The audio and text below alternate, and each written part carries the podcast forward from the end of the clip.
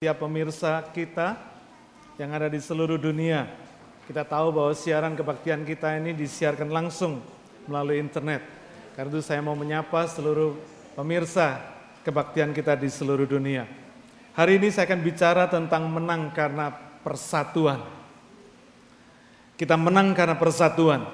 Saudara saya percaya bahwa semua doa Tuhan Yesus sudah dijawab. Orang buta melihat, orang tuli mendengar, orang lumpuh berjalan, setan lari meninggalkan orang-orang yang di, uh, ditekan, orang mati bangkit. Tapi ada satu doa Tuhan Yesus yang belum terjawab sampai lebih dari 2000 tahun. Yaitu doa supaya murid-muridnya bersatu. Ini yang masih belum terjawab hingga hari ini. Nah bagaimana doa Tuhan Yesus ini bisa dijawab? Bagaimana murid-murid Kristus bisa bersatu? Hari ini saya ingin mengajak saudara melihat kitab Yohanes pasal yang ke-17 ayat 9 sampai 11. Kita baca dulu Yohanes pasal 17 ayat 9 sampai 11. aku berdoa untuk mereka, bukan untuk dunia aku berdoa, tetapi untuk mereka yang telah engkau berikan kepadaku sebab mereka adalah milikmu, dan segala milikku adalah milikmu, dan milikmu adalah milikku, dan aku telah dipermuliakan di dalam mereka. Dan aku tidak ada lagi di dalam dunia, tetapi mereka masih ada di dalam dunia. Dan aku datang kepadamu, ya Bapa yang kudus, peliharalah mereka dalam namamu, yaitu namamu yang telah engkau berikan kepadaku, supaya mereka menjadi satu sama seperti kita. Dalam terjemahan bahasa Inggris dikatakan keep them in your name, those whom you have given me, so that they may be one as we are. Saudara, hal yang pertama, bagaimana supaya doa Tuhan Yesus ini bisa dijawab? Saya percaya kalau kita yang berdoa, Tuhan yang jawab, betul? Tapi kalau Tuhan yang berdoa, kira-kira siapa yang jawab? Mestinya kita yang jawab, saudara, amin. Mestinya kita yang menggenapi doa ini. Nah bagaimana doa Tuhan Yesus ini bisa dijawab? Bagaimana anak Tuhan, murid-murid Kristus ini bisa bersatu? Yang pertama, karena kita dipelihara di dalam nama Yesus. Ini dahsyat saudara. Kita dipelihara di dalam nama Yesus. Dalam bahasa Inggris dikatakan, keep them in your name. Those whom you have given me nama yang sudah diberikan kepada Yesus so that they may be one as we are. Saudara, Tuhan Yesus tidak pernah berdoa untuk dunia ini supaya dunia ini bersatu. Enggak.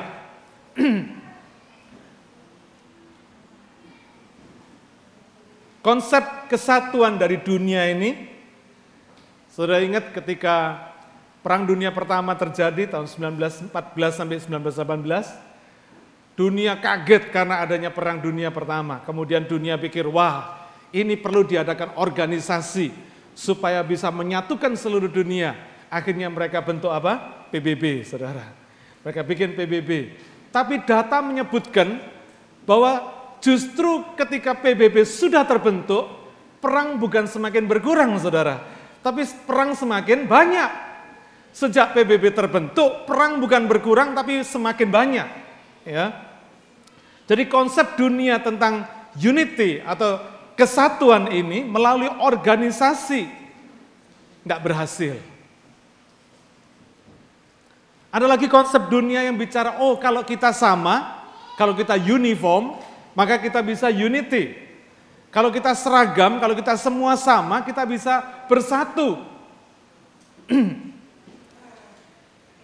Lalu tidak heran negara-negara membentuk koloni-koloni, membentuk satu kesatuan-kesatuan. Kita yang di Indonesia kenal yang namanya ASEAN, betul? Indonesia, Malaysia ter, ter, termasuk di dalam ASEAN ini. Tetapi apa yang terjadi saudara? Asia, ASEAN, Indonesia, Malaysia ribut melulu. Ya toh? Gak pernah damai saudara. Malah Terakhir ini saya ngikutin berita, makin hari tensi pertikaian antara Indonesia Malaysia makin menjadi-jadi. Ya, budaya reok diakui oleh Malaysia sebagai budaya Malaysia. Kebudayaan angklung Indonesia diakui oleh Malaysia sebagai budaya Malaysia. Ribut melulu saudara. Terakhir para nelayan Indonesia ditangkap oleh polisi Malaysia, polisi di Raja Malaysia, mereka dikerjain di Malaysia. Saudara, ternyata persatuan regional pun tidak mampu membuat bersatu. Keseragaman uniform tidak bisa membuat unity. Kesamaan tidak bisa membuat kesatuan. Jadi jangan heran saudara kalau dunia ini tidak akan pernah bersatu. Karena memang konsep dunia ini tidak bisa menolong dunia ini untuk bisa bersatu. Mereka tidak punya konsep. Tetapi yang dahsyat saudara, Yesus berdoa untuk murid-muridnya supaya bersatu. Siapa yang percaya bahwa murid Yesus bisa bersatu? Praise God. Cuman satu dua tangan terangkat. Saya ulangi. Siapa yang percaya bahwa murid-murid Kristus bisa bersatu? Amin. Haleluya. Amin. Karena apa? Doa Tuhan Yesus tidak mungkin gagal, saudara. Doa Tuhan Yesus pasti digenapi. Nah hari ini kita akan bicara bagaimana kita mengenapi doa ini. Tadi saya katakan kalau kita berdoa, Yesus yang mengenapi, Tuhan yang mengenapinya. Kalau Tuhan yang berdoa, kitalah yang mesti menggenapinya. Amin. Itu harapan Tuhan. Jadi kita yang mesti menggenapinya. Yesus berdoa untuk murid-muridnya supaya Yesus uh, supaya murid-muridnya bersatu. Murid-murid Yesus pasti bisa unity. Suami istri asal murid Yesus pasti bisa bersatu. Amin. Karena yang yang muda-muda sebelum kawin pikir baik-baik. Jangan kawin dengan orang yang tidak seiman, ya. Firman Tuhan berkata bagaimana terang dan gelap bisa bersatu. Bagaimana bisa beriring jalan, tidak mungkin. Ya, Yang seiman aja bersatunya susah. Saudara jangan cari-cari urusan, cari-cari perkara. Mau kawin dengan yang tidak seiman, saudara. Ini penting sekali. Saya nggak nakut-nakutin saudara, tetapi inilah kenyataan. Yang seiman aja bersatunya susah, apalagi yang nggak seiman, betul? Jadi meskipun saudara kebelet mau cari jodoh, tahan sedikit. Kira-kira begitu saudara ya. Jangan terlalu speeding gitu untuk cari jodoh. Nanti dapatnya nggak karu-karuan saudara. Saudara saya mau kasih tahu saudara, suami istri biar cantik, biar ganteng, tapi kalau nggak bersatu, nanti cantik gantengnya hilang saudara. Saudara nggak akan bisa menikmati segala berkat yang Tuhan berikan di dalam perkawinan kalau nggak ada persatuan. Suami bilang, yuk ini hari minggu kita ke gereja yuk. Istri bilang, mau ah, ngantuk. Saudara mau apa? Anak saudara berkata, ayo pak kita ke gereja. Papa bilang, tuh panggil, panggil mamamu. Mama bilang, capek, ngantuk. Saudara akan terjadi banyak problem ketika tidak seiman. Tapi saya percaya kalau dua-dua murid Yesus, suami istri murid Yesus, saya percaya kesatuan itu ada. Amin. Nanti kita akan lihat saudara, murid Yesus yang bagaimana. Kalau anak, saudara, orang tua, keluarga bersatu, saya percaya. Murid Yesus, saya percaya ada persatuan. Saudara satu keluarga kalau enggak ada kesatuan, susah. Karena itu tugas saudara, kalau saudara sudah kenal Yesus, kalau ada keluarga saudara yang belum kenal Yesus, itu tugas saudara untuk memberitakan Injil kepada keluarga saudara. Supaya apa? Supaya seluruh keluarga jadi murid Yesus. Nah kalau satu keluarga jadi murid Yesus, maka saya percaya hidup keluarga saudara luar biasa. Amin. Haleluya. Anak-anak saudara menjadi PR saudara, pekerjaan rumah saudara untuk membawa mereka datang kepada Tuhan Yesus. Enggak boleh cuma dikasih duit melulu, tetapi diajar, dididik untuk supaya takut akan Tuhan. Kalau seluruh keluarga hidup sebagai murid Tuhan Yesus, saya percaya ada berkat yang melimpah atas keluarga itu. Ada kesatuan yang luar biasa. Kalau satu jemaat, murid-murid Yesus semua, pasti jemaat ini akan bersatu. Amin. Oleh karena itu kita harus memberikan satu pelayanan yang terbaik untuk jemaat. Kalau kita melihat ada jemaat yang memang masih belum lahir baru, kita berusaha deketin mereka, kita berusaha layani mereka secara pribadi, approach mereka secara pribadi, supaya mereka boleh kenal Tuhan Yesus. Amin. Haleluya. Gereja kita dibagi atas tiga level, tiga level kerohanian. Karena itu setiap orang siapa pun juga yang datang ke CLC, kita nggak peduli dari background yang bagaimana. Boleh dari background yang belum kenal Yesus, boleh dari agama yang berbeda dan sebagainya. Kita tetap respect dan kita hargai. Tetapi kita perlu memberikan pelayanan yang efektif sesuai dengan kondisi rohani mereka. Karena itu sebentar lagi di CLC akan ada kuesioner. Kuesioner ini untuk diisi oleh setiap jemaat. Tujuannya supaya saya tahu siapa-siapa jemaat yang membutuhkan pelayanan-pelayanan khusus. Nah CLC ini dibagi atas tiga level, tiga level rohani. Bukan bukan bicara soal tinggi rendahnya, tidak. Tetapi bicara soal pengelompokan, pengelompokan dari level ini. Yang pertama, Christ is my personal savior. Saya percaya banyak orang Kristen tapi belum punya Kristus, betul nggak? Ada istilah KTP, Kristen KTP. Ada orang yang mengaku Kristen tapi belum punya Kristus. Nah orang-orang seperti ini akan masuk keluar gereja bertahun-tahun tapi nggak mengalami Kristus di dalam hidupnya. Orang-orang seperti ini harus dilayani sampai dia betul-betul punya pengalaman encounter, perjumpaan bersama Tuhan sendiri. Sampai dia betul-betul mengalami born again, mengalami kehidupan bersama Kristus. Kehidupan yang luar biasa, yang indah, yang dahsyat, yang berbeda dengan kehidupan mereka yang lama. Tidak peduli bagaimana kehidupan yang lama. Tetapi ketika mereka berada bersama Kristus, born again, hidup baru di dalam Tuhan Yesus, hidup mereka pasti diubahkan. Amin. Level yang kedua adalah love God, love the church. Kalau orang itu sudah percaya Tuhan Yesus, maka dia harus berusaha mengasihi Tuhan dan mengasihi gerejanya. Tidak bisa orang berkata mengasihi Tuhan tanpa mengasihi sesamanya, tanpa mengasihi gerejanya. Betul nggak saudara? Tidak bisa. Karena itu ketika orang itu sudah percaya Yesus, ketika dia sudah mengenal Tuhan Yesus secara pribadi, dia akan dibimbing terus untuk masuk kepada pengenalan akan Tuhan dan pengenalan akan gerejanya. At least dia mulai memberikan kontribusi di dalam pelayanan. Bagaimana saudara bisa berkata, aku mengasihi engkau kalau enggak kita melayani. Betul saudara? Bagaimana suami bisa berkata mengasihi istrinya kalau enggak suami melayani istrinya. Demikian juga kalau jemaat sudah kenal Yesus, bagaimana caranya dia mengasihi Tuhan yang tidak kelihatan, yaitu dengan cara mengasihi gerejanya yang kelihatan. Oleh karena itu, level yang kedua ini jemaat akan di-encourage supaya ambil bagian at least dalam satu pelayanan. Entah mungkin itu pelayanan bersih-bersih, angkat-angkat, cuci piring, masak-masak, anything. Semua pelayanan, any ministry yang bisa dilakukan sesuai dengan bakat, talenta, dan kemampuannya, silahkan. Karena semua pelayanan penting di hadapan Tuhan. Amin. Level yang ketiga, CLC, C. Yang ketiga, compassion to the world.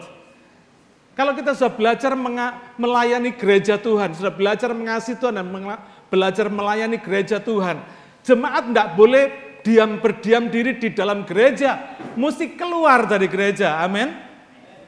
Saya bukan suruh saudara keluar gereja terus semerawut ke mana-mana, enggak. Maksud saya gaungnya, gemangnya, kasih sayang Tuhan itu enggak cuma dibagi di antara jemaat melulu. Muter di jemaat tidak saudara. Tetapi jemaat Tuhan, gereja Tuhan harus berani keluar dari building ini membagikan kasih kepada dunia. Compassion to the world, mencapai orang-orang di dunia, mencapai orang-orang di sekitar kita. Membagikan kasih kepada dunia ini. Saya percaya di sekitar kita tuh banyak saudara, orang-orang yang butuh kasih Tuhan. Banyak orang-orang yang tertolak. Banyak orang-orang yang disingkirkan bahkan oleh keluarganya sendiri. Banyak orang-orang yang tidak diperhatikan bahkan oleh saudaranya sendiri. Nah orang-orang yang lonely seperti ini, itulah tugas gereja untuk menjangkau mereka. Gereja harus punya mission, punya misi jemaat Tuhan, tidak boleh ngumpul di sini, nggak boleh terus muter melayani di dalam gereja, tetapi berhasil bergerak untuk keluar dari gereja, membagikan kasih kepada Tuhan, kepada orang-orang di dunia ini, membagikan kasih Tuhan yang sudah kita terima kepada orang-orang lain di luar gereja, di luar gedung gereja. Jadi kita nggak cuma pinter worship God in this building, tapi kita juga membagikan bagaimana kita menyembah Tuhan melalui kita membagi kasih kepada orang-orang di luar gedung gereja. Amin. Tanggal 19 Desember nanti gereja kita akan uh, mengunjungi nursing home. Ya. Akan mengunjungi nursing home. Pertama targetnya satu dulu, nursing home dulu. Kita akan menghibur mereka. Sudah tahu kan di Australia ini orang-orang yang sudah punya usia emas gitu ya. Kalau orang bilang orang Indonesia bilang lansia, orang lanjut usia. Saya lebih suka panggil mereka punya usia emas. Orang-orang yang punya usia emas ini kebanyakan tidak diperhatikan sama anak-anaknya. Kadang mereka cuma diperhatikan setahun sekali. Mereka datang cuma waktu Christmas saja. Karena itu kita dului mereka satu minggu sebelum Christmas tanggal 19, hari Minggu. Setelah kebaktian ini kita akan pergi ke nursing home, kita akan hibur mereka. Saudara yang punya suara serak-serak kering pun tidak apa-apa bisa menyanyi buat mereka. Amin. At least satu tahun sekali mereka dengar lagu-lagu Natal yang kita kita nyanyikan untuk mereka. Kita kunjungi, kita bagi kasih sama mereka. Untung kalau kita nggak cuma bawa suara saja, tapi kita bawa sesuatu, bingkisan buat mereka. Tapi karena ini orang-orang usia emas, saudara, perutnya juga peka sama makanan, maka saya nanti akan tugaskan Steve untuk tanya kepada nursing home ini, kira-kira bingkisan apa yang kita bisa bawa kepada mereka. Supaya nggak salah bawa saudara. Saudara kasih dia terus ke, ke belakang terus repot saudara nanti ya. Bagi kita mungkin makanan itu hojek saudara ya.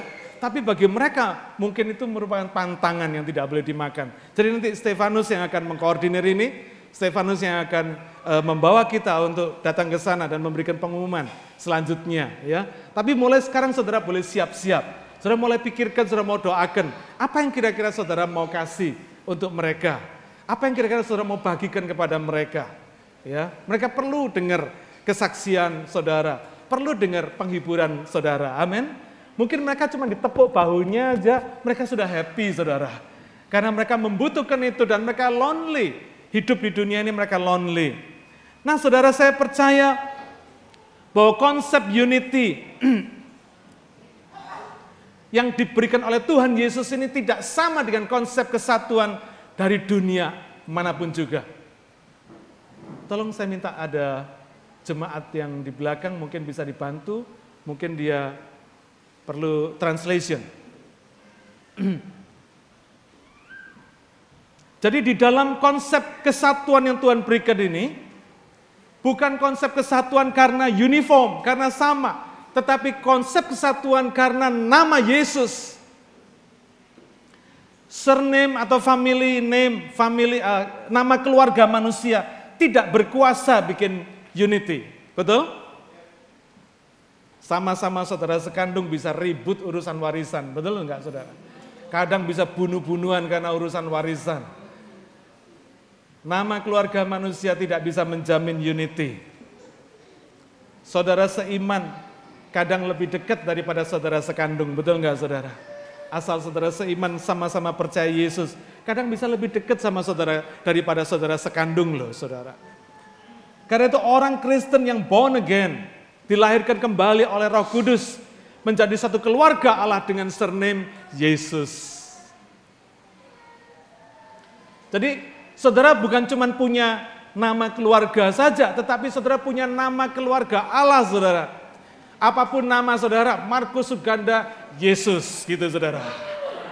Amin. Ya, Willy Ramli, Yesus saudara. So kita semua tanpa sadar, kita nggak ingat bahwa kita punya family name. Satu family name, orang yang percaya Yesus punya family name Yesus saudara. Haleluya. Oleh karena itu, saya percaya surname Yesus ini berkuasa membuat satu kesatuan segala umat manusia, segala suku bangsa, dari usia yang paling muda sampai yang paling lanjut usia, dari tingkat sosial yang apa pun juga, mulai dari yang kaya sampai yang miskin, sampai yang sedengan, semua nggak ada bedanya saudara. Dari tingkat pendidikan yang bagaimana, yang mbok-mbok nggak sekolah pun, sampai yang profesor, doktor di perguruan tinggi pun, tetap punya surname yang sama. Amin. Asal percaya Yesus, asal kita murid Yesus, maka kita punya family name yang sama yaitu Yesus, Saudara. Baru-baru ini saya mengikuti berita di Indonesia. Ada satu kampung di mana di situ ada pengikut Ahmadiyah, salah satu aliran Islam Ahmadiyah. Kalau nggak salah di Lombok Barat, mereka diusir dari kampung itu, rumah mereka dirusak, genteng mereka dipecahin, saudara. Mereka dilemparin batu, diusir keluar dari dari kampung mereka sendiri, dari tanah kelahiran mereka sendiri. Saudara bisa bayangin? sama-sama punya nabi yang sama, sama-sama menyembah Allah Akbar yang sama, sama-sama punya identitas salah satu agama, tetapi heran mereka harus dilempari batu, bahkan diancam mau dibunuh kalau tidak meninggalkan kampung halaman kelahiran mereka sendiri. Sudah bisa bayangin?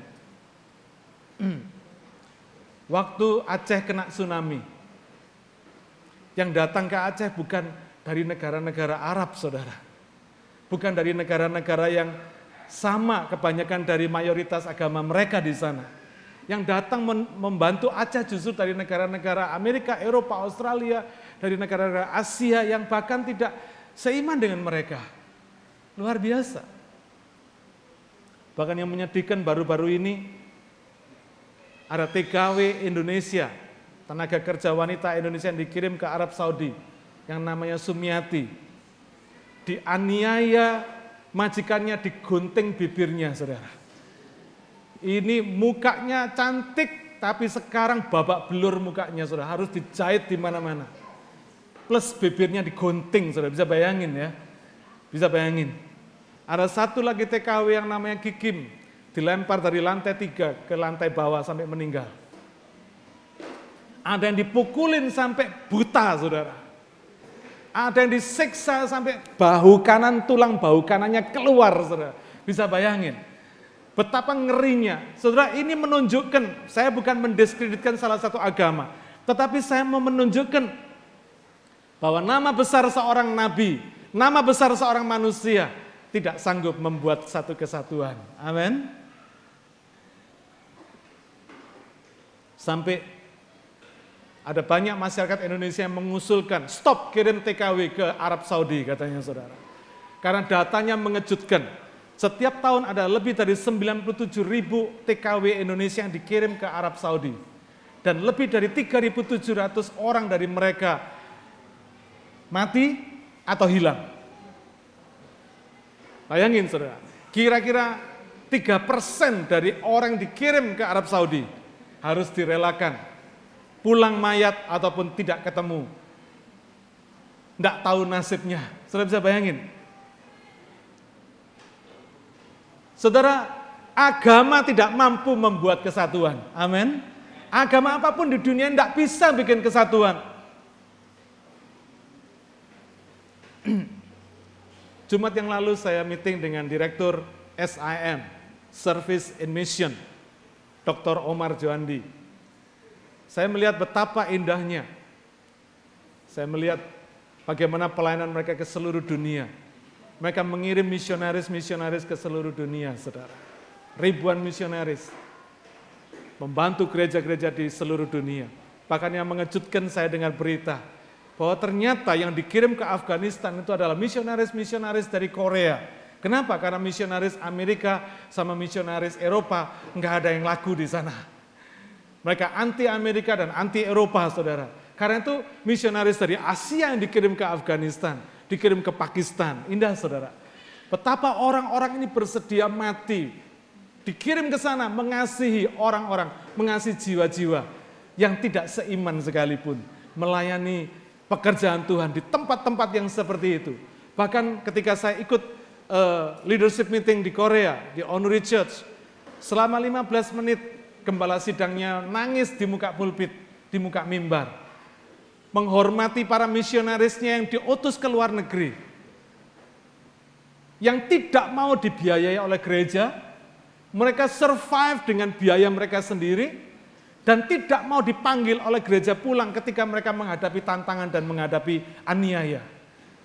Jadi nggak heran saudara karena ada banyak misionaris-misionari Korea ditahan di sana dijadikan sandra dan sebagainya.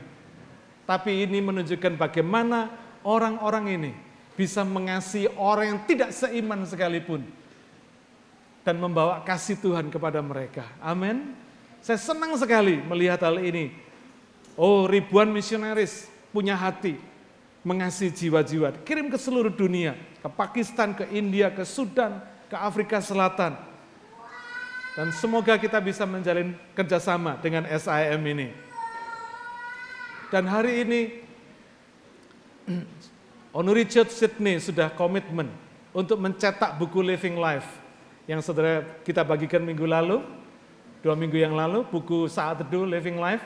Mereka akan mencetak sebanyak 3.000 buku setiap bulan untuk dibagi ke gereja-gereja di Indonesia, untuk memberkati gereja-gereja di Indonesia. Saudara lihat, kok bisa orang Korea punya hati seperti itu? Kok bisa? Karena ada kasih Tuhan karena ada roh yang mendorong mereka untuk bersatu, untuk memikirkan pekerjaan Tuhan. Nama Yesus mempersatukan orang-orang di seluruh dunia. Asal kita murid Yesus, kita bisa bersatu. Amin saudara. Luar biasa ini.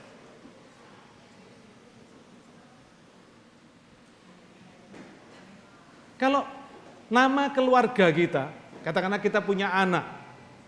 Surname manusia diberikan, maka nama itu akan melekat ke anak cucu kita selanjutnya kan.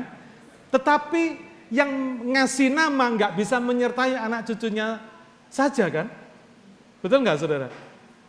Karena itu mungkin nenek moyang kita memberikan nama keluarga di dalam kepada kita itu adalah orang-orang yang baik, orang-orang yang luar biasa, orang-orang yang berjasa, mewariskan perusahaan, mewariskan harta benda dan sebagainya.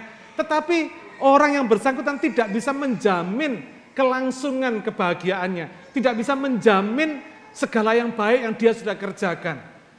Belum tentu nenek moyangnya baik, tiba-tiba anak cucunya mungkin bisa berantakan, bisa bertengkar karena warisan. Bisa saudara. Karena apa? Hanya sebuah nama yang menyertai mereka. Hanya sebuah nama manusia yang menyertai mereka. Tapi beda dengan Yesus. Ketika Yesus memberikan kita nama keluarga, nama kerajaan Allah itu, maka nama itu bukan cuma diberikan kepada kita sebagai nama keluarga, bukan cuma menjadikan kita menjadi satu keluarga besar di dalam nama Yesus, tetapi rohnya juga diberikan kepada kita. Amin. Itulah sebabnya ketika nama Yesus itu kita terima, maka roh Yesus pun kita terima. Amin saudara. Karena itu betapa pentingnya kita itu hidup baru di dalam Tuhan. Born again mengenal Yesus secara pribadi. Karena kita bukan cuma terima namanya Yesus, tetapi kita menerima rohnya Yesus. Karena itu saya percaya meskipun kita mungkin sudah akan ada di kubur saudara. Tapi saya percaya iman yang kita berikan kepada anak cucu kita. Nama Yesus yang kita wariskan kepada enam anak cucu kita tidak akan hilang saudara. Karena apa? Karena Tuhan sendiri yang menjaga namanya, menjaga kemuliaannya. Kita orang tua sudah bisa tidak ada di dunia ini. Tetapi Tuhan rohnya menjaga anak cucu sampai generasi-generasi kita. Karena itu betapa pentingnya keputusan orang untuk terima Yesus secara pribadi. Untuk mengenal Yesus secara pribadi. Menjadikan dia Tuhan secara pribadi Bukan cuma sekedar jadi orang Kristen tanpa Kristus, bukan saudara. Tetapi betul-betul menjadi orang Kristen yang punya Yesus secara pribadi. Sehingga anak cucu kita, keluarga kita, keturunan-keturunan selanjutnya, generasinya tidak akan pernah sia-sia. Apa yang kita putuskan, apa yang kita lakukan hari ini akan terus mengalir sampai generasi-generasi selanjutnya. Dan kita bisa yakin saudara, bahwa anak cucu generasi kita selanjutnya dijaga sama Tuhan. Amin. Haleluya.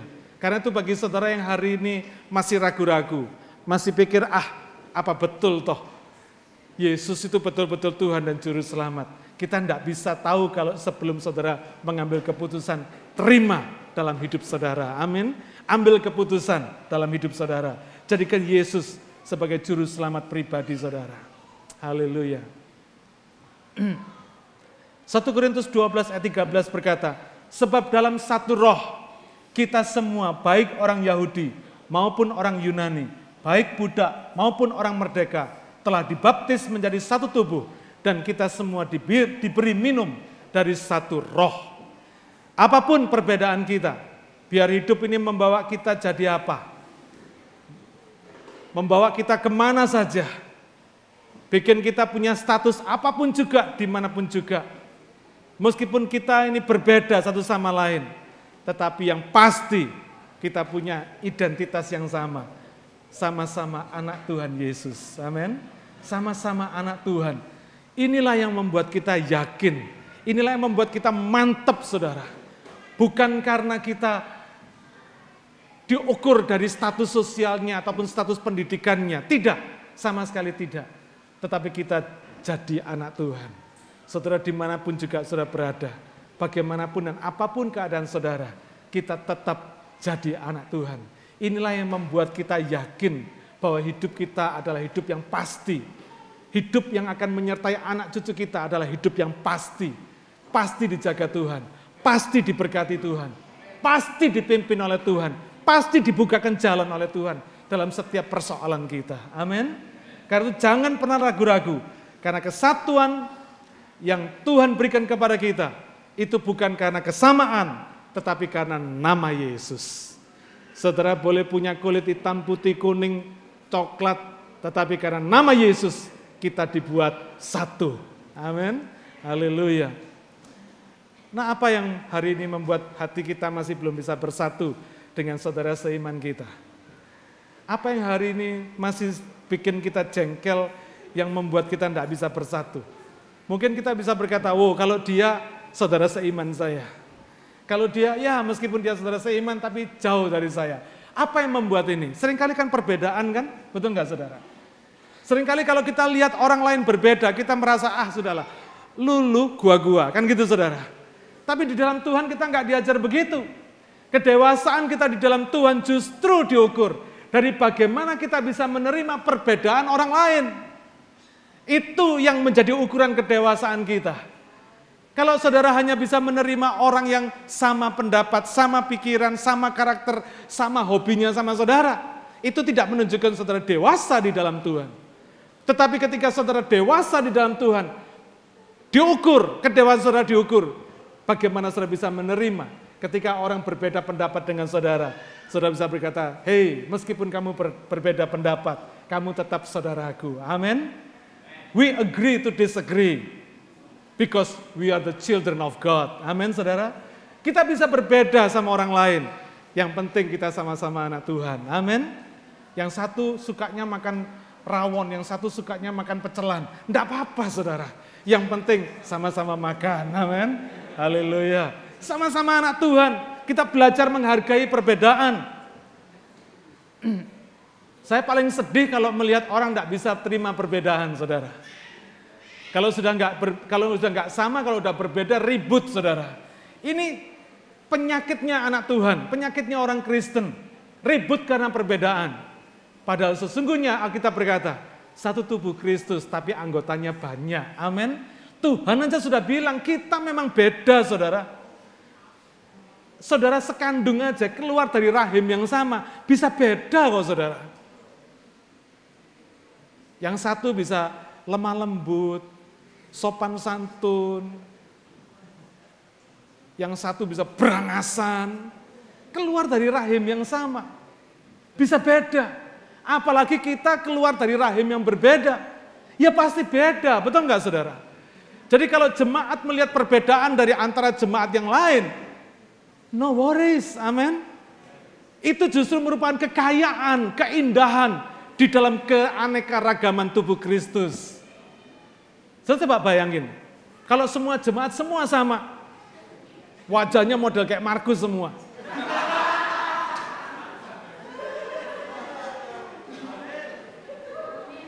Gak nyeni saudara, betul?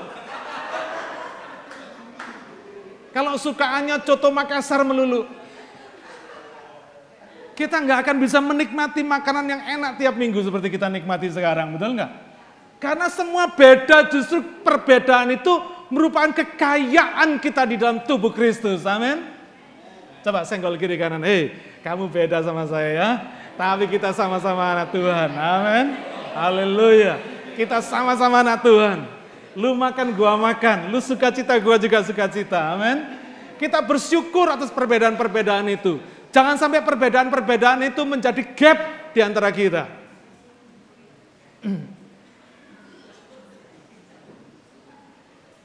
Saya mau kasih tahu saudara, salah satu kelemahan orang Indonesia di luar negeri adalah kelemahan bahasa. Karena itu kalau ketemu orang kulit putih, orang western, nggak berani nyapa saudara. Jadi kayak minder ataupun sungkan ataupun bagaimana. Saudara itu perlu dihilangkan. Amin. Orang kulit putih, orang western pun juga orang saudara, betul? Justru ketika saudara tidak bisa bahasa mereka, berlatihlah bersama mereka. Amin. Tidak apa-apa. Belajar ngomong aja sama mereka. Yang penting ngerti saudara. Kita ngomong casus-casus yang penting mereka ngerti. Kalau saudara tidak bisa bahasa Inggris itu bisa dimaklumi. Tidak perlu malu, betul nggak? Tapi kalau saudara nggak bisa bahasa Indonesia, itu yang malu-maluin. Jadi kalau sudah ketemu jemaat-jemaat yang dalam kebaktian jam 8, mereka yang lagi uh, apa uh, morning tea di sini, sapa mereka. Hai, halo, good morning, enggak apa-apa. Kalau cuma bisa good morning toh enggak apa-apa saudara. Yang penting good morning pun nyapa, itu melatih keberanian kita. Untuk kita bisa bersosialisasi. Amin saudara. Untuk kita berani keluar saudara, enggak cuma muter aja. Ada banyak orang Indonesia di sini udah tinggal puluhan tahun, Inggrisnya cuma yes or no, good morning, good night. Kenapa ya? Karena nggak berani bergaul, saudara, nggak berani keluar dari komunitasnya, nggak berani keluar dari comfort zone kita. Sayang dong saudara, betul? Padahal di sekitar kita, orang-orang Indonesia di sekitar kita, orang Indonesia ini sedikit saudara, di Australia ini sedikit, betul nggak? Yang hidup di luar negeri sedikit. Yang banyak di sekitar kita non-Indonesia, betul nggak? Lah bagaimana saudara bisa dipakai oleh Tuhan menjadi berkat bagi yang non-Indonesia ini kalau kita nggak berani ngomong sama mereka? Saudara kadang-kadang bahasa Tarsan pun nggak apa-apa saudara. Yang penting mereka ngerti maksud kita.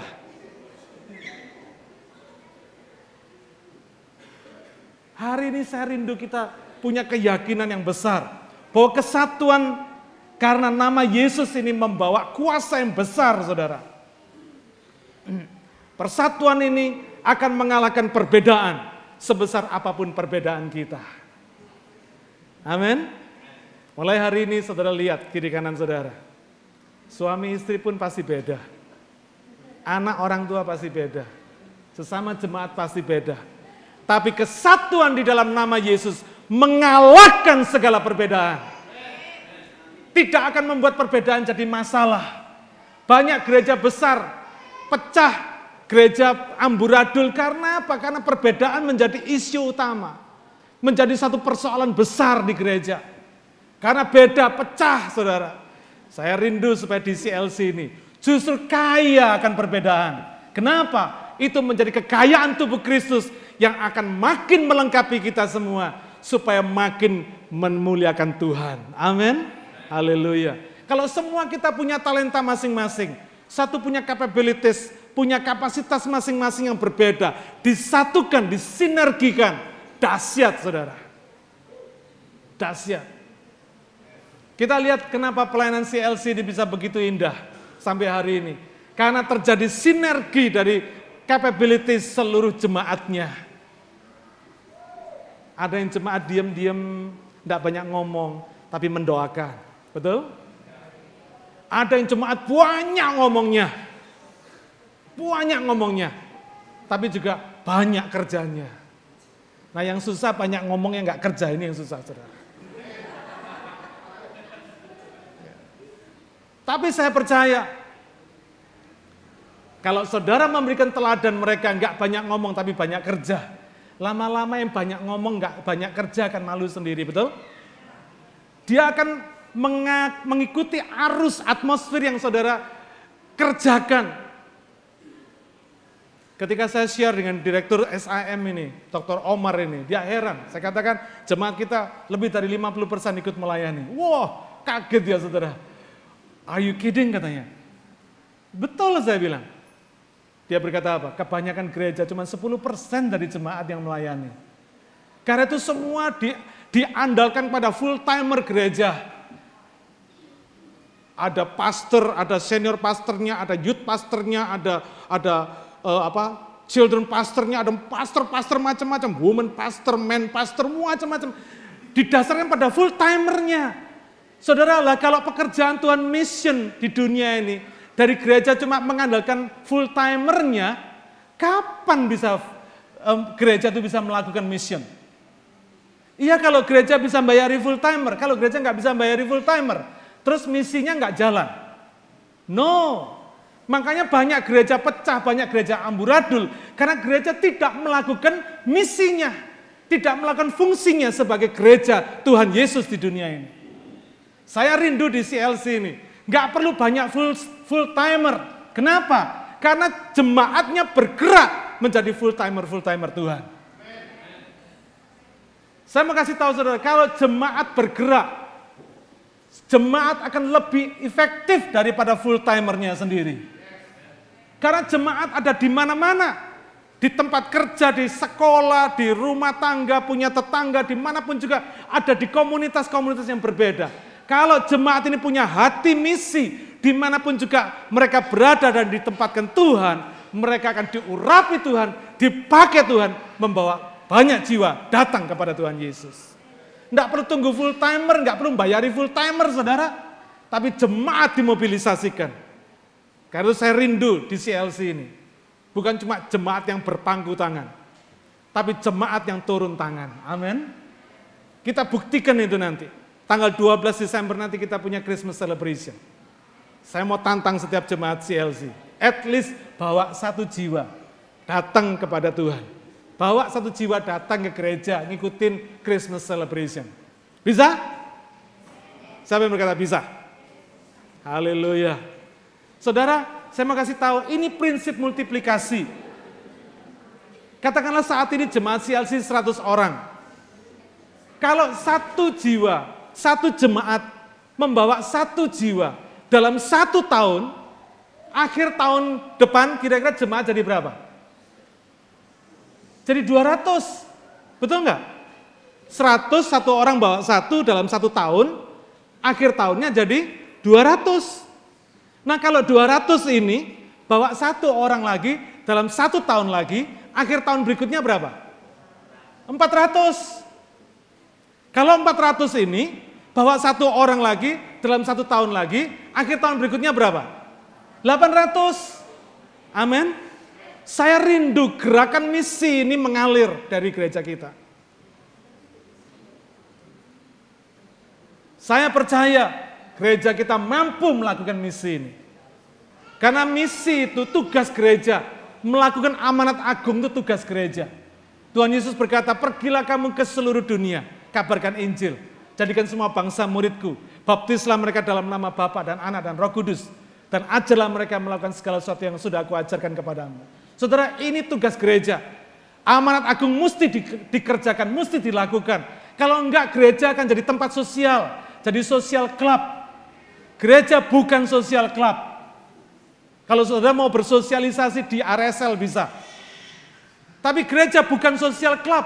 Gereja adalah tangan kanan Tuhan kepanjangan tangan Tuhan untuk mencapai dunia, melakukan misi kepada dunia ini.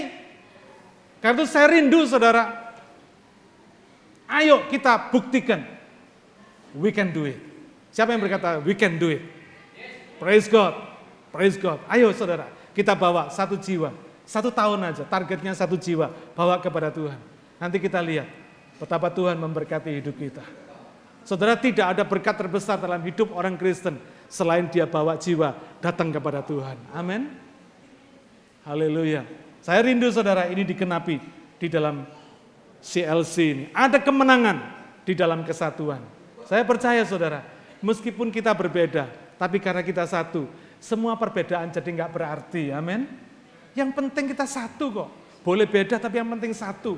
Gandengan tangan. Perbedaan jadi nggak berarti. Ada kemenangan, ada victory di dalam kesatuan. Amin. Yang kedua saudara, kalau tadi yang pertama kesatuan kita karena nama Yesus. Bukan nama besar manusia, tapi nama besar Allah yang diberikan kepada kita bersama rohnya. Itu yang membuat kita bersatu. Yang kedua, kita baca ayat yang ke-20 sampai yang ke-23. Yohanes 17 ayat 20 sampai yang ke-23. Dan bukan untuk mereka ini saja aku berdoa, tetapi juga untuk orang-orang yang percaya kepadaku oleh pemberitaan mereka, supaya mereka semua menjadi satu, sama seperti engkau ya Bapa di dalam aku dan aku di dalam engkau, agar mereka juga di dalam kita, supaya dunia percaya bahwa engkaulah yang telah mengutus aku. Dalam bahasa Inggris dikatakan that they also may be one in us. One in us dan aku telah memberikan kepada mereka kemuliaan yang engkau berikan kepadaku, supaya mereka menjadi satu sama seperti kita adalah satu. Dalam bahasa Inggris dikatakan, and I have given them the glory which you have given me, that they may be one, even as we are one. Ayat 23, aku di dalam mereka, dan engkau di dalam aku, supaya mereka sempurna menjadi satu, agar dunia tahu bahwa engkau yang telah mengutus aku dan bahwa engkau mengasihi mereka sama seperti engkau mengasihi aku. Poin yang kedua, kesatuan karena ada kemuliaan Allah. Kesatuan karena sudah diberikan kemuliaan Allah. Ada kemuliaan Allah di dalam diri orang percaya, itu yang bikin kita bisa bersatu. Itu yang bikin murid Yesus bisa bersatu. Doa Yesus ini ternyata bukan hanya untuk para muridnya pada waktu itu saja, tapi dikatakan untuk murid-muridnya pada masa kini, termasuk buat saudara dan saya. Amin. Haleluya. Puji Tuhan. Tuhan Yesus ini berdoa bukan cuma untuk muridnya 2000 tahun yang lalu. Tapi doa Tuhan Yesus sampai hari ini buat saudara dan saya. Karena itu saya begitu percaya. Kalau kita ngerti prinsip ini dan kita melakukannya, taat melakukannya, saya percaya ada kesatuan yang bisa kita tunjukkan kepada dunia ini sehingga dunia tahu kita ini betul-betul murid Kristus. Saudara saya mau kasih tahu saudara, apa yang menghalangi dunia datang kepada Tuhan Yesus? Bukan penderitaan, bukan aniaya, bukan filosofi. Yang menghalangi dunia datang kepada Yesus adalah kesaksian anak-anak Tuhan sendiri, saudara. Dunia ini berkata, kalau lu jadi orang Kristen kayak begitu, gua yang bukan Kristen bisa lebih baik dari lu. Ini yang bikin dunia nggak percaya Yesus. Karena dunia berkata, katanya roh Tuhan Yesus ada di dalam diri orang Kristen. Tapi kalau hidupnya masih kayak begitu, dunia nggak percaya saudara.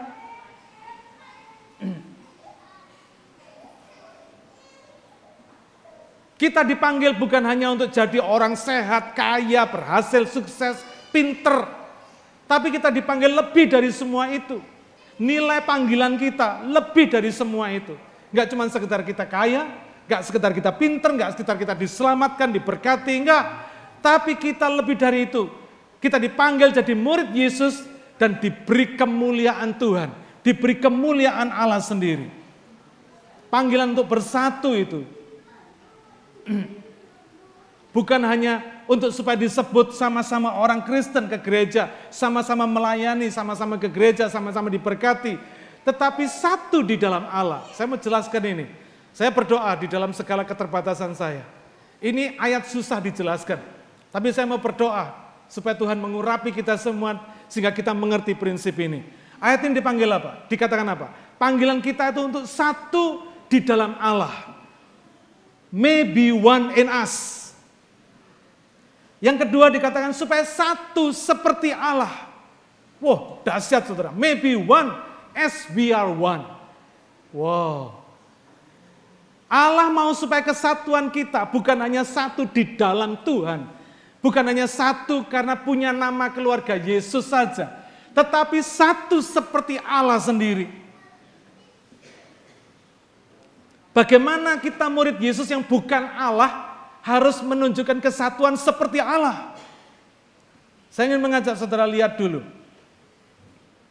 Kalau kuasa kita sendiri pasti nggak bisa. Tapi kalau kuasa Allah bisa. Saya ingin mengajak saudara lihat kitab Yohanes 1 ayat 12 13. Semoga Tuhan menolong saya dan menolong kita semua supaya kita mengerti prinsip ini. Karena kalau kita ngerti prinsip ini, kita akan melakukan kesatuan dengan sadar, bukan terpaksa, saudara.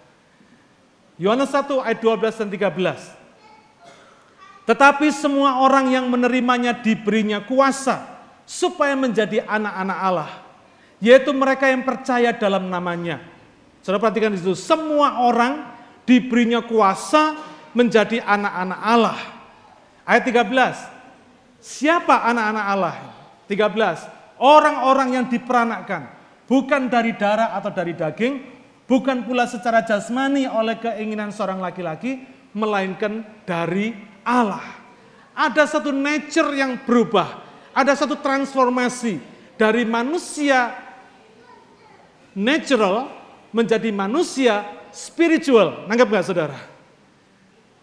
Sin-sin tetap sin-sin. Gayanya sin-sin tidak pernah berubah. Karena apa? Secara natural, sin-sin tetap sin-sin.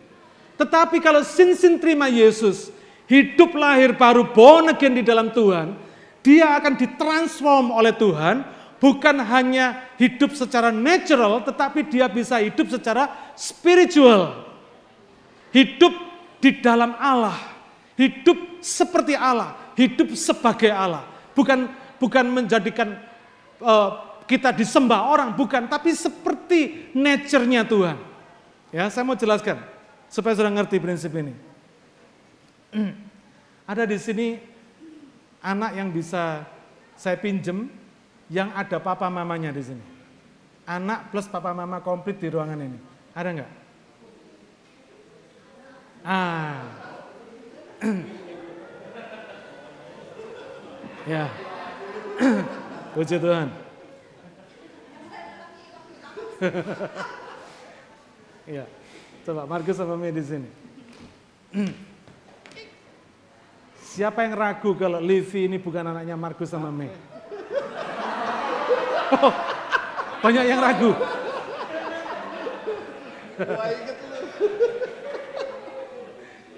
Gideon ragu Gideon. Nah, jadi sebagian besar kita yakin kan si Livi ini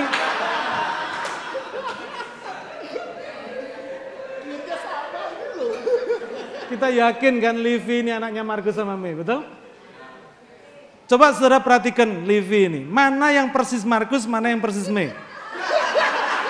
Coba.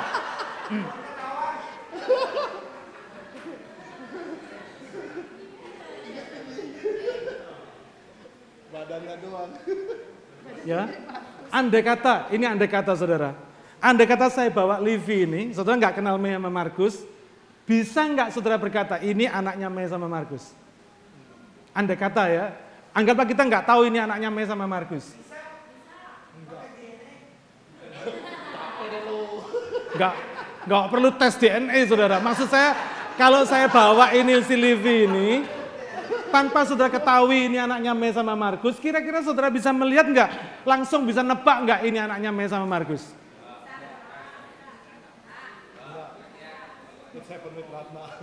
Iya toh? Saudara nggak akan pernah bisa langsung berkata, oh ini pasti anaknya Mei sama Markus. Wong wajahnya ada yang nggak mirip kok saudara.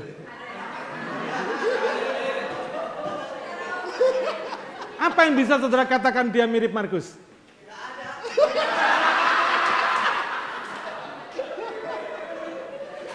Ya. Nangkap saudara ya? Tetapi ketidakmiripan Levi sama Mei sama Markus bukan berarti dia bukan anaknya Mei sama Markus, betul nggak? Ketidakmiripan tidak berarti dia bukan anaknya Mei sama Markus. Yang di belakang nggak geriung. Meskipun dia tidak mirip, ada yang tidak mirip. Tetapi di dalam hidup Levi mengalir darahnya Mei sama Markus, betul nggak? Thank you Gus. Thank you Mei.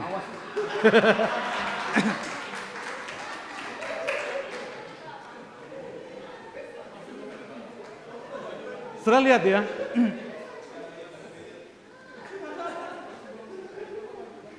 Jadi anaknya seseorang tidak harus selalu mirip sama papa mamanya, betul? Bahkan saya punya teman saudara, mama papanya putih, keluar anaknya hitam saudara. Ada nggak yang lihat pernah kelihatan seperti itu? Ada yang papa mamanya semua hidungnya mancung, anaknya mancung ke dalam.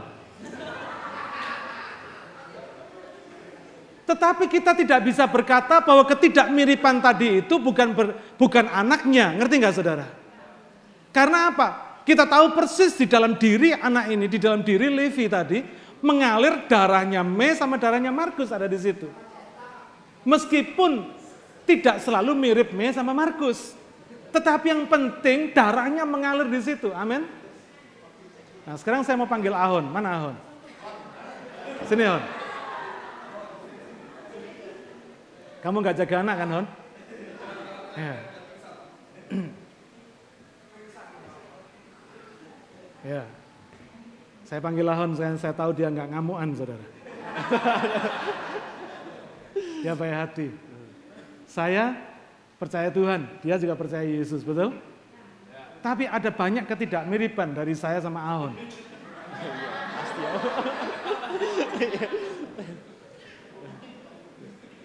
Kalau mau dilihat kelemahan-kelemahan kekurangan dia banyak.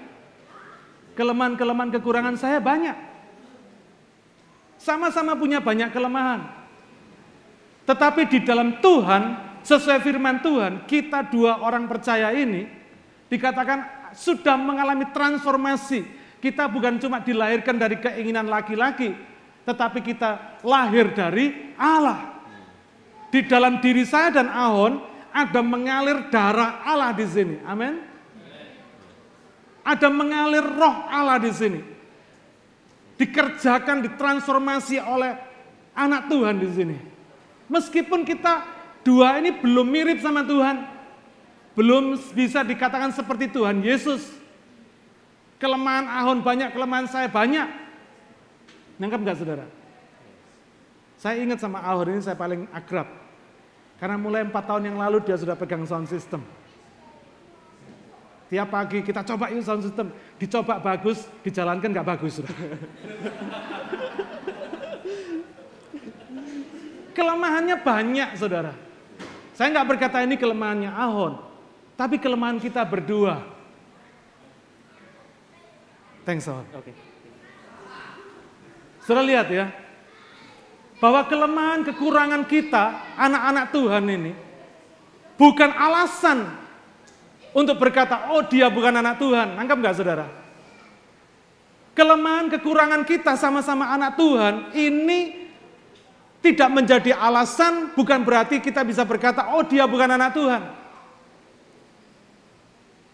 Kekurangan dan kelemahan kita ini membuat kita ini belum seperti Yesus. Belum mirip seperti Yesus. Tapi bukan berarti Tuhan Yesus tidak mentransformasi hidup kita.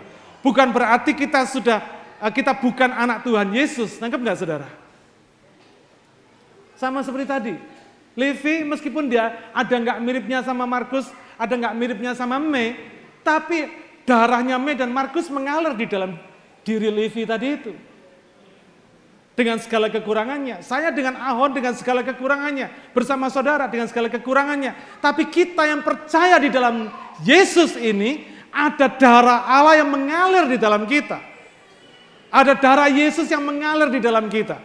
Ada kehidupan Yesus, ada roh Yesus yang mengalir di dalam hidup kita. Sehingga kita menjadi anak-anak Tuhan. Amin. Jadi meskipun kita tidak bisa berkata, kita melihat kekurangan orang terus kita marah sama mereka karena mereka belum seperti Yesus. Saudara, siapa pun juga di dunia ini belum pernah ada yang sempurna. Amin. Gereja di dunia ini pun tidak ada yang sempurna. Saudara mau keliling gereja mana pun juga, mau pindah gereja mana pun juga, saudara tidak akan pernah ketemu orang sempurna di sana. Andai kata ada gereja yang sempurna, karena kehadiran saudara di sana, gereja itu jadi nggak sempurna. Tahu sebabnya kenapa? Ya karena saudara belum sempurna, ya kan? Jadi kesempurnaan gereja itu tercemari karena kehadiran saudara di sana. Karena apa? Karena kita nggak sempurna, betul? Jadi nggak pernah ada di gereja di dunia ini gereja yang sempurna, orang yang sempurna. Pasti kita akan ketemu kekurangan masing-masing. Ketika kita melayani, kita baru tahu kekurangannya. Dulu baik-baik sebelum ikut pelayanan. Dulu tetangga, dulu teman baik, teman sekolah, teman kerja dan sebagainya baik-baik. Sebelum deket kita nggak kelihatan kekurangannya. Waktu jauh nggak kelihatan, ya kan? Ada peribahasa berkata apa? Jauh bau bunga, dekat bau tai. Kalau dekat baru kelihatan kekurangannya. Kalau jauh nggak kelihatan kekurangannya. Tapi ketika kita dekat, ketika kita melihat kekurangannya, bukan berarti terus kita berkata, wah kalau gitu ini bukan anak Tuhan ini. Karena apa? Oh, belum seperti Yesus, tidak kayak Yesus. Dia tidak kayak Yesus, kita pun juga nggak kayak Yesus, saudara. Belum seperti Yesus. Tetapi kita belum mirip Yesus bukan berarti kita bukan anak Yesus. Nangkep nggak? Jadi mulai hari ini saya kita sudah ngerti ya. Saya minta tolong Tuhan supaya berikan pengurapan kepada saya dan ke, kepada saudara supaya, supaya mengerti prinsip firman Tuhan. To be one in us and maybe one as we are one. Jadi bukan hanya satu di dalam Tuhan dengan family name Tuhan Yesus, tetapi as we are one, seperti Tuhan, seperti Allah sendiri. Nangkep saudara? Karena kita sudah ditransformasi, hidupnya Tuhan di dalam kita. Kita sudah diberikan kemuliaannya Tuhan di dalam kita. Sehingga kita seperti Tuhan, bukan Tuhan. Seperti, oh seperti itu bukan loh saudara. Seperti Edi, bukan Edi. Seperti sin-sin bukan sin-sin. Tangkap nggak saudara? As we are one. Jadi saudara kita bukan hanya dipanggil untuk jadi satu karena nama Yesus. Tetapi kita menjadi satu karena kemuliaannya Yesus ada di dalam kita. Amin. Coba ngomong kiri kanan. Meskipun kamu banyak kekurangan, saya pun juga banyak kekurangan. Amin. Yang ngomong nggak saudara? Supaya kita ngerti. Sementara sudah ngomong saya minum.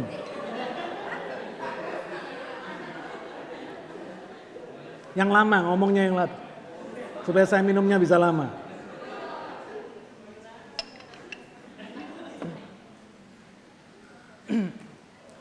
Yohanes 17 ini adalah ayat favorit saya. Salah satu pasal favorit saya.